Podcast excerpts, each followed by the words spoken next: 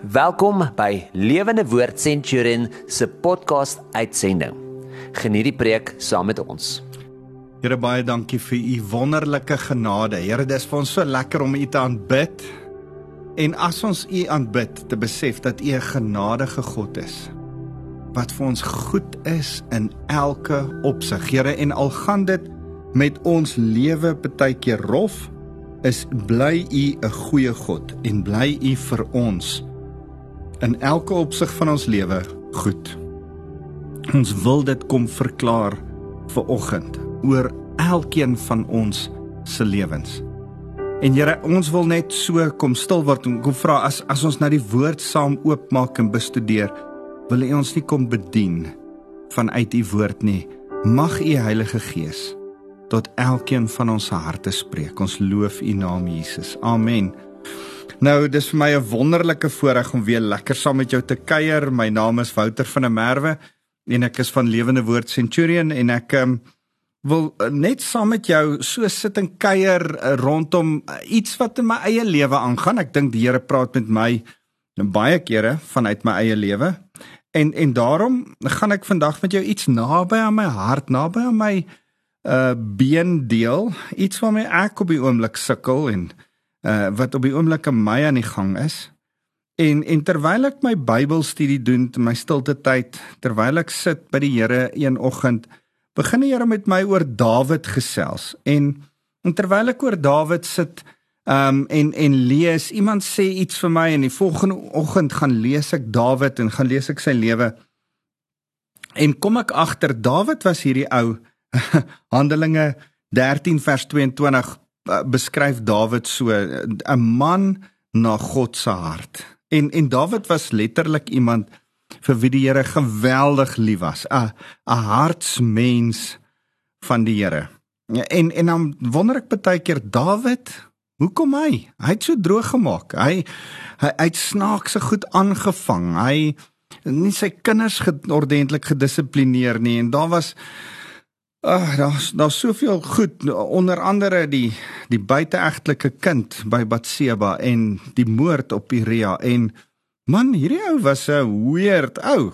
En en tog sê die Here 'n man na God se hart. Dis wie Dawid was. En ek ek besef net weer eens dis omdat hierdie ou 'n repentant 'n 'n hart van berou voor die Here gehad het. En ons het nou nou gesels ek en 'n groep ouens en en en het ons net gesels oor hoe Saul nie 'n hart van berou gehad het nie, maar Dawid wel 'n hart van berou gehad het en dit was die verskil in hulle koningskap en op die ou einde die verskil in wat met hulle gebeur het uh, in hulle nalatenskap.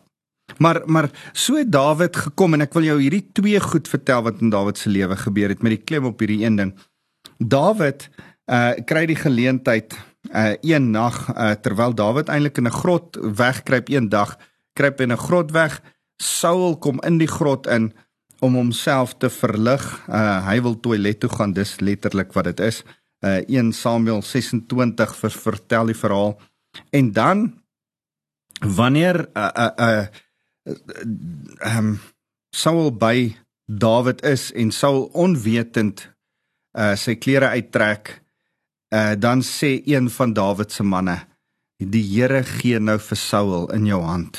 Gaan en maak hom dood." En Dawid sê hierdie belangrike woorde, hierdie woorde wat later in een van sy psalms, Psalm 105 vers 15 opgeskryf staan: Moenie die gesalfde van die Here aanraak nie. Don't touch God's anointed. Nou baie keer in die kerk word dit verkeerd uit konteks uitgehaal uh in in die in die psalms en in ander plekke waar ons dit lees, gaan dit eintlik daaroor dat die volk van die Here gesalf is en jy moenie dink dat jy die volk van die Here kan aanvat nie. Nou praat Dawid dit en hy vertel dit as die leier van die Here is die gesalfde en jy moenie die leier van die Here aanvat nie. Nou kan ek net sê baie mense haal dit deesdae aan en sê 'n predikant of 'n pastoor wat voor staan, jy moet hom nie aanvat of en en ek stem nie heeltemal saam met die interpretasie van daai skrif nie. Ek sê, miskien moet jy nie kritiek in jou hart hê nie. Ja, maar ons is ook oop vir inspraak en ons is ook oop vir korreksie. As ek iets teologies verkeerd sê, kan jy my gerus my e-mailadres is wouter@lewendewoord.co.za. Jy is welkom om vir my te sê ek stem nie saam met jou nie of daat jy 'n fout gemaak en dien ek dan sien ek het 'n fout gemaak, dan sal ek vir jou sê ek is jammer. Want jy sien ek wil by Dawid leer as hy 'n repentant, 'n berouvolle hart gehad het oor iets wat hy verkeerd gedoen het dan wil ek oop genoeg wees om te leer en as ek iets verkeerd doen, ook vir jou kan om verskoning vra daaroor. En en dis wat Dawid dan sê, hoorie, ek kan nie die Here se gesalfde aanraak nie. En en hy sny dan net 'n stukkie van sy kleed af waaroor hy ook berou het en wys dit op 'n later stadium vir Saul. Saul besef dan hy sy lewe was eintlik in Dawid se hande. Uh, maar dit gebeur nog 'n keer. Dit gebeur op 'n stadium waar Dawid die kruik en die spies van Saul gaan steel in die middel van die nag in Saul se tent en dan uh sê iemand weer vir hom hoorie dis nou jou geleentheid maak vir Saul dood en dan sê nee ek gaan net nie dit ek gaan nie dit doen nie ek gaan nie hom doodmaak nie want ek kan nie die gesalfde van die Here aanraak nie sê hy weer en dan is daar eintlik so 'n 'n 'n 'n oomblik wat hy die die leiwag van Saul uittrap. Die die die die hoof van sy weermag en die leiwagter dan sê julle het nie julle werk gedoen nie. Kyk ek kon hom doodgemaak het. En uh dan gebeur hierdie interessante insident so daar's definitief iets van Dawid wat hy geweet het luister ek kan nie die gesalfde van die Here aanvat nie en dalk het hy Eksodus 22 vers 28 verstaan wat sê jy mag nie 'n leier van jou land vloek of beledig nie.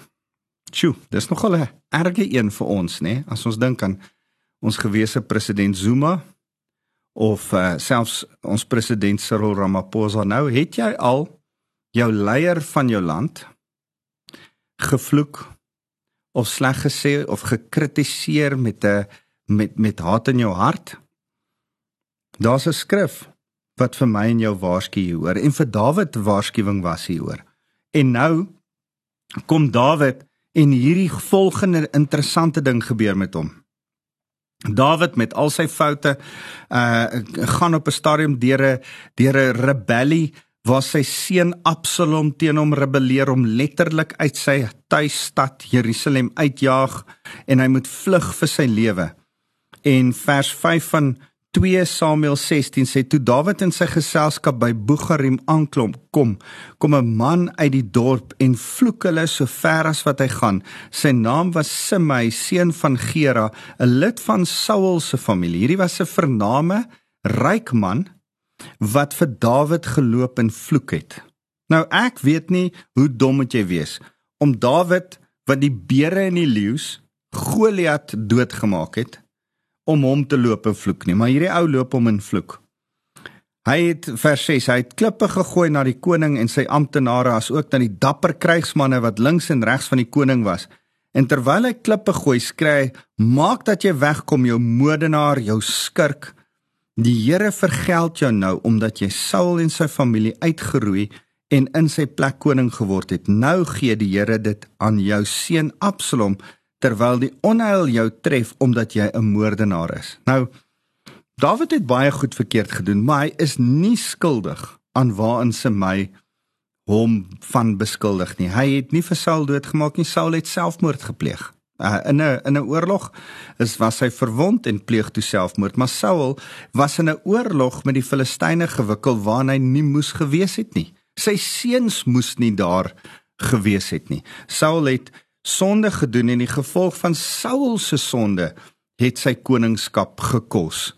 Dit het nie iets met Dawid uit te waai nie. Hierdie ou kla Dawid onregverdig aan. Hierdie ou beskuld Dawid van iets wat nie waar is nie. Was jy al ooit beskuldig van iets wat nie waar is nie? Het iemand jou al aangekla van iets? Het iemand jou al so sleg gesê dat jy verneder gevoel het. Dat jou respek aangetas was. Dat jy gedink het, "Hey, maar wag 'n bietjie, hierdie is nie reg nie. Hierdie is nie eens waar nie." Wel, dis presies wat met Dawid hier gebeur. Nou sê hy, ehm um, terwyl al hierdie goed gebeur, Vers 9: Hoekom laat u toe dat hierdie laa hond my heer die koning vloek? Vra Abisai seun van Seria vir die koning. Ek dink, "Yes, go for it Abisai, ek's agter jou. Hoekom laat jy toe Dawid dat hierdie ou jou vloek?" En en en Abisai sê, "Laat ek tog sy kop van sy lyf af gaan afkap." En ek dink, "Yes man." En Dawid sê, "Nee. Nee, nee, nee." Dawid verstaan iets van die wraak kom my nie toe nie. Dawid sê dit het niks met my of julle te doen nie, seuns van Seria. Seria was dieselfde ou wat vir uh, um Abisai was dieselfde ou wat vir Dawid gesê het, kom ons gaan uh kry die stuk van van 'n uh, Saul se uh, ons maak vir Saul dood. Dit was dieselfde ou. En sê nee nee, ek ek gaan nie hierdie nie. Uh, laat ek tog sy kop vir hom gaan afkap sê nee, glad nie. Hy sê hy vloek so omdat die Here vir hom gesê het vloek Dawid. Dawid se teologie is totaal en al verkeerd. Maar Dawid sê met ander woorde, as ek dit vir ons in Nuwe Testamentiese moderne 2022 taal kan vertaal, sê Dawid, miskien kom hierdie slegte goed oor my lewe en wil die Here alles ten goeie laat meewerk vir die wat hy geroep het. Die Here wil met my werk. Die Here wil in my karakter bou. Die Here wil my wys dat daar goed in my lewe ook nie uitgesorteer is en oulik en reg is nie.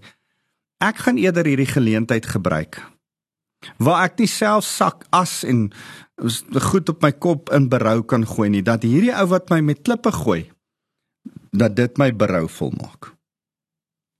Hy sê Dawid sê verder vir Abisa my eie seun probeer my doodmaak. Hoeveel te meer hierdie Benjamin. Los hom uit en laat hom vloek. Want die Here het hom vir hom gesê om dit te doen. Dit was Dawid se opinie. Dalk sien die Here my swaar kry raak sien en my seun as gevolg van hierdie vervloekings. Here, dalk sien nie die berou in my hart raak, sê Dawid. Dawid en sy mense het verder vertrek. Simei het op die oorkantste heuwel gelyk met hulle geloop en gedurig bly vloek klippe gooi en stof opskop. Dit het aangehou en aangehou. Soveel so vers 14 die koning en sy geselskap het moeg by hulle bestemming aangekom en daar gerus. Nou dink ek Dawid jy is die ou wat gesê het moenie die gesalfde van die Here aanvat nie. Jy is die ou wat gesê het hy die die koning moet nie gevloek word nie. Nou vloek hierdie ou jou En en en en ek besef net Dawid is nie die ou. Dawid besef wat die regte ding is. Hy ek mag my nie beledig nie. Maar ek's nie die een wat jou gaan straf nie. Ek gaan dit aan die ek gaan die Here vertrou om dit te doen. Partykeer dan weet ons wat se regte ding om te doen, maar dan wil ons ook die polisie man wees en die die een wees wat die die die wet se se se oordeel bring. En jy hoef nie dit te bring nie. Die Here vel die oordeel. Hoor 'n bietjie wat sê Dawid later in sy lewe. En en ek dink Dawid het hierdie in gedagte gehad. Psalm 37. Nou man jou huiswerk is gaan lees die hele Psalm 37 met hierdie hele storie in gedagte, want jy sien die nederigheid van Dawid. Hy sê ek was jonk en nou is ek oud, maar regverdige mens wat verlaat is, het ek nooit gesien nie of dat sy kinders vir kos moes bedel Hy leen altyd ruimskoots aan ander en sy kinders is tot 'n seën. So Psalm 37 vers 25, vers 34: Vertrou die Here, volg sy voorskrifte en hy sal jou ophef sodat jy die land sal besit en die goddelose se uitwissing sal sien.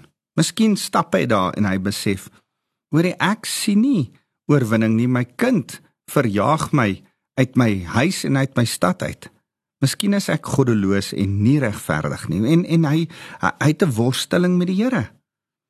En dan sê hy verder vers 37, maar kyk na na hulle wat eerlik en opreg is, want die toekoms van so 'n mens is vol vrede. Miskien is dit hoop, Here, al is dit nie nou vrede nie, sal U vrede bring. Maar oortreders word saam vernietig, hulle toekoms sal tot die einde kom. Hy het geweet die Here gaan hierdie ou straf. Die Here gaan hierdie se my straf. En en nou sit ek en ek sê, "Ja, Dawid, wat het hier aangegaan?" En en ek ervaar dat die Here my vat in my eie persoonlike lewe na hier Jakobus en ek wil hê jy moet saam met my blaai na Jakobus 1 vers 4 vers 1 tot 4. Waar kom die risies en gevegte onder julle vandaan? Waar kom hierdie binnengevegte in jou hart? Wanneer word jy so kwaad dat jy wil beklei? Waar kom dit vandaan? Wat is die oorsprong? Wat is die wortel van woede in jou meer in jou lewe? Is dit nie julle sondige drange wat julle ledemate so soldate gebruik om te veg nie? Jou sondige drange. Dit wat nie van die Here af is nie. Begeertes wat die Here nie daarin geskep het nie. Psalm 37 wat ek nou net vir jou gelees het, begin deur te sê: "Soek die Here en hy sal jou gee die begeertes van jou hart." Nou sê hy hier, "Hey, julle het ander soort drange en begeertes wat julle gebruik en en dan gebruik julle dat julle ledemate so soldate. Julle wil dinge hê wat julle vers 2 wat julle nie het nie en pleeg dan moord om dit te kry. Julle is jaloers oor wat ander het. Onthou jy wat Jesus gesê het? As jy net vir een sê, man, Raka, man gaan vlieg, man jou idioot. As jy net so kwaad word in jou hart, het jy al klaar moord gepleeg. Is wat Jesus gesê het in die bergpredikasie. So, ehm um, uh, julle is jaloers oor wat ander het. En as julle dit nie in die hande kan kry nie, veg en beklei julle om dit by hulle te vat. En die eintlike rede is hoekom julle dit nie nie nie het nie wat julle wil hê nie is die feit dat julle God nie daarvoor vra nie. Miskien moet ek en jy besef dat soos Dawid moet ons in steede van beklei bid. Mis in steede van sê Here, hier's goed wat myne is wat weggeneem is van my en in steede van veg daarvoor vir die Here vra en vir die Here sê Here, sal U veg vir my? Kan ek vandag vir jou vra? Het iemand in die laaste tyd jou respek kom wegvat? Of jou eiendom kom bedreig? Hey, grondhervorming. Uh, miskien wat joune is kom sê ons gaan dit by jou wegvat. En nou wil jy beklei. Wat dan van as ons bid? Miskien het hulle jou regte kom aantas en wegvat. Dit wat jy regtens joune is kom wegvat. Miskien het iemand finansies van jou gesteel. Miskien is daar 'n liefde wat van jou weggeneem is. Miskien is daar iets of van die dood of deur 'n egskeiding of deur 'n 'n 'n 'n sameloop van omstandighede is daar liefde wat wat weg is. Iets wat jou ontneem is. Wel, Jy staan vandag met hierdie woord voor 'n keuse. Gaan jy doen wat Dawid gedoen het of gaan jy 'n swaard uitpluk en beklei vir dit? Gaan jy bid of gaan jy beklei? Hy sê julle het nie want julle vra nie. In vers 3 van hierdie Jakobus 4 sê en selfs wanneer julle vra, kry julle dit nie omdat julle motiewe verkeerd is. Julle wil goed hê om dit self te geniet.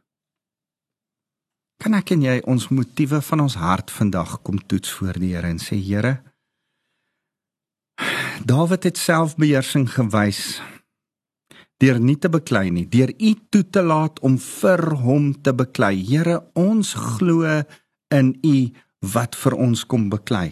Nou nou nou sê maar ons het nie ons het dit nie as ons bid nie want ons het motiewe is verkeerd. Watse motiewe dryf ons? Wel, ek dink Ons word meeste van die tyd gedryf deur vrees, angs. Uh ons is bekommerd oor dit, bekommerd oor die toekoms. Wat gaan ons gebeur? Wat gaan met ons kinders gebeur? Wat gaan En die Here sê, "Hey, vertrou my. Is ek nie jou bron nie?" So bid en toets die motiewe van jou hart. Is die motief van jou hart vrees? Is jy wil jy beklei want daar's eintlik vrees in jou hart? OK, bid, maar sonder die vrees. Dit help nie jy wil beklei as gevolg van vrees en nou wil jy gaan bid maar nog steeds met vrees nie. Die ander motief van ons hart is is trots. Daai eie ego, daai eie waan, daai man, ek is so belangrik. Nou het hierdie ou my aangevat en hy het my naam kom aanvat en hy het my uh, naam in twyfel getrek en hy het my beledig en hy het nou dit gesê en dit gesê. En en ek was nou onlangs daardeur en ek moes met ewe skielik agterkom en sê, "Hey, hey, hey, wat gaan hier aan?" My ego is gekrenk. Daar's nie veronderstel om 'n ego te wees nie, want ek glo in Romeine 12 vers 1 wat sê bring jouself as 'n lewendige en heilige offer wat aan God welgevallig is. As ek dan met my wedergeboorte myself aan God geoffer het, wie is Wouter van der Merwe om dan nog te leef? Ek het nie 'n ego nie. Ek's nie veronderstel om trots te wees of seer gemaak te voel of 'n uh, eie waan te hê oor 'n ding of my ego gekrenk te laat word nie. Want daar's nie veronderstel in Christus is hy die een in wie ons kan skuil. Sy naam is groter as jou naam. So so kan ek vir jou vra. Wat is die motief van jou hart? Hoekom beklei jy? Hoekom beklei jy? Beklei jy want daar is vrees of trots? 'n eie ek, 'n ego? Wel as jy gaan bid en daar's vrees en trots in jou eie ego, dan gaan dit ook nie help nie. Jy weet wat gebeur met hierdie arrogante, want dis baie keer wat ons hartseer motief van ons hart is, is ons arrogansie. Ons sien nie God raak nie, ons sien onsself ons eie begeertes raak. Dis wat Jakobus hier beskryf. Weet jy wat gebeur met Semei aan die einde van sy lewe? Dawid, as hy terugkom uit die rebellie met Absalom uit, dan sê hy dan dan, dan kom kniel Semei voor hom. En dan sê hy: "Hoorie, spaar asseblief my lewe. Uh uh, uh um, ek is jammer oor wat ek gesê het." En dan sê Dawid: "Dis reg, ek sê jou lewe spaar." En en Abisai sê dan weer, nou, kom ons kap sy kop af. En dan sê Dawid, nee. Solank as wat ek lewe, gaan hy leef. En dan uh wys dit vir my dat hierdie ryk man se hart nie reg was nie. Hierdie Benjamin, sy, hy het polities nie reg teenoor Dawid opgetree nie, want op Dawid se sterfbed roep hy vir Salomo nader sy seun en hy sê Salomo, daar's 'n paar goed wat jy moet doen. Jy moet die tempel bou, Uh maar jy moet hier en daar 'n paar goed uitsorteer en een van die goed wat jy moet uitsorteer is jy moet se my wat teen my gesondig het, my vloek gevloek en geskree het. Jy moet hom een of ander tyd uitsorteer. Ek het hom die die die die die uh, um benefit of the doubt gegee. Ek het hom daai 'n 'n uh, twyfel gegee en gesê, "Miskien het die Here hom gebruik in my lewe." Maar deel jy met hom in jou wysheid. En dan as Dawid sterf dan dan laat Salomo vir Semei roep en hy sê Semei bou vir jou huis in Jerusalem en dan is jy in huisarrest in Jerusalem. Jy mag nooit Jerusalem verlaat nie, dan sal jy leef. Solank as wat jy nie Jerusalem verlaat nie, sal jy bly leef. Genade, né? Dis genade. Maar dieselfde sonde wat hom verkeerd laat interpreteer het dat Dawid die skuld dra van Saul se dood. Dis arrogansie. Dieselfde sonde laat hom dan uit Jerusalem uitgaan as sy slawe 3 jaar, hy bly 3 jaar in Jerusalem op 'n stadium ontsnap twee van sy slawe. Hy sit hulle agterna, gaan haal hulle, bring hulle terug en as hy inkom in die stad, dan laat Salomo hom roep en dan sê hy jy het nie vir my geluister nie en dan word hy doodgemaak. Sy my word doodgemaak. En ek dink sy arrogansie het hom van die begin af sy lewe gekos. Kan ek en jy vir mekaar sê ons kan nie arrogant mag die motiewe van ons harte vandag gekruisig word en ons nie arrogant voor die Here staan nie. Kan ons vrese, ons trots, ons ego, ons arrogansie vandag voor die Here gekruisig word en sê Here ons on, ons wil nie verkeerd kom bid nie. Kom toets die motiewe van ons hart. Want jy sien, die derde ding wat ek vir jou vandag wil sê selfbeheersing begin by nederigheid. Nederigheid begin om jou hart te ondersoek. Here, verwyder vrees, U is in beheer. Verwyder trots, U is my koning. Here, ek kniel voor U. Ek gaan nie arrogant wees nie. Ek gaan gehoorsaam wees aan U. As ons dit kan regkry, Want jy sien selfbeheersing is om nie die natuurlike vleeslike reaksie te hê waar as iemand jou iets aandoen of by jou steel of jou sleg sê nie. Maar deur die Gees gelei te word om 'n goddelike goddelike aksie te neem in die regte omstandigheid. Ek en jy moet in selfbeheersing 'n goddelike aksie neem en sê Here, wat moet ek nou doen? Moet ek nou optree? Heilige Gees, help my en jou se grootste gebed meeste van die dag. As jy ry, as daar 'n taxi voor jou, Heilige Gees, help. As iemand jou beledig, Heilige Gees, help. As jy daai ou sien wat al lank van tevore jou geld skuld en hy ry verby jou, Heilige Gees, help. Help, Here, help my om selfbeheersing toe te pas dat ek soos Dawid nie self vergeld nie, maar toelaat dat U die vergelding doen. Jy sien ons moet ons harte uitsoek en uitsorteer. Dis 'n werk. Die Here gaan dit, die Here gebruik sy Heilige Gees om ons goedjies te wys. Dan is dit my en jou se beurt, se se willens en wetens aksie om te sê, luister, hierdie ding in my lewe is nie reg nie. Hier my meer verloor ek te vinnig. My ego is te veel. Nee, Here, ek het vrees oor my toekoms of my salaris. Here, hierdie goed wys U vir my want ek moet dit uitsorteer in my lewe. Vandag wys die Here jou een of twee goed wat jy moet uitsorteer. Niemand anders te gaan dit vir jou uitsorteer nie. Die Heilige Gees wys jou dit nou want jy moet dit uitsorteer. En dan moet jy dissipline toepas. Dissipline is soos oefening. Jy gaan nie fiks word of gewig verloor as jy nie oefen nie. En oefening is in die begin al hoe moeilik, baie moeilik en dan raak dit makliker en makliker. Maar oefen begin nie lekker nie, maar dit raak beter. Dissipline, selfbeheersing is 'n dissipline. Dit begin nie maklik nie, dit begin nie lekker nie. Jy is bang, jy's vrees, jy trots, jy het allerlei goed, jy wil uit jou vlees uit optree en en dis asof die Here sê oefen hierdie ding, oefen dit, oefen dit. Kry die goed in beheer, die motiewe in jou hart uitgesorteer sodat ek en jy saam 'n pad kan stap. Wel ek ek deel met jou vandag 'n woord wat vir my is. Dis die Here het met my gepraat. Hierdie is my woord wat ek vir myself preek. Dalk is dit ook vir jou. Maar mag die Here vir ons met ons gesels vandag oor selfbeheersing. Mag die Here ons op 'n punt bring dat ons meer en meer soos Jesus word en die klein jakkalsies wat die vrugte steel en verwoes in ons wingerde in ons lewens. Mag ons dit vandag kom uitgooi en uit ons lewens uitwerk sodat ons heilig reg voor die Here kan bly lewe. Sal jy saam met my bid en sê Here, ons wil ons motiewe van ons hart kom uitsorteer. Here, ons wil mense wees soos wat Galasiërs 5 vers 22 van praat van die vrugte van die Gees en een van daai wonderlike vrugte van die Heilige Gees is selfbeheersing. Here, liefde lyk soos mense wat hulle self kan beheer.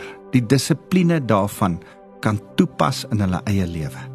Here, ons wil mense van liefde wees. Daarom vra ek, Here, help ons om selfbeheersing toe te pas in ons lewe. Help ons om te deel met trots en allerlei goed waarvan Jakobus praat en dat ons nie uit ons vlees uit sal optree nie, maar dat ons uit die gees gelei sal lewe.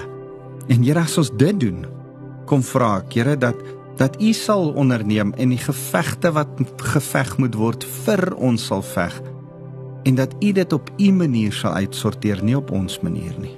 Here, ons kom weer vandag opnuut en onderwerp onsself aan U en sê Jesus, U is ons koning. Ons kies om U te volg. Ons buig voor U neer, Here. Ons eer U, Here Jesus.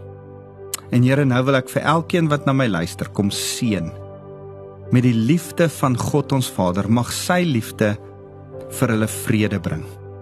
Mag Jesus kom en aan elkeen van ons kom wys en kom bevestig dat hy ons koning is en dat ons lewe in sy hand is en hy ons veilig hou. Here, mag ons sien en beleef dat ons veiliger is in die hand van Jesus as in ons eie hande. Here, ek kom bid ook toe vir elkeen wat na my luister dat die Heilige Gees met hulle sal bly werk en in hulle harte tot elkeen van hulle sal spreek sodat hulle hulle motiewe van hulle harte kan uitsorteer en nie bekleiend nie maar bidend voor u sal kom neerkniel en vra help Here. Help my met my selfbeheersing sodat ek die geveg kan wen wat u my laat veg. Dankie Jesus. Amen en amen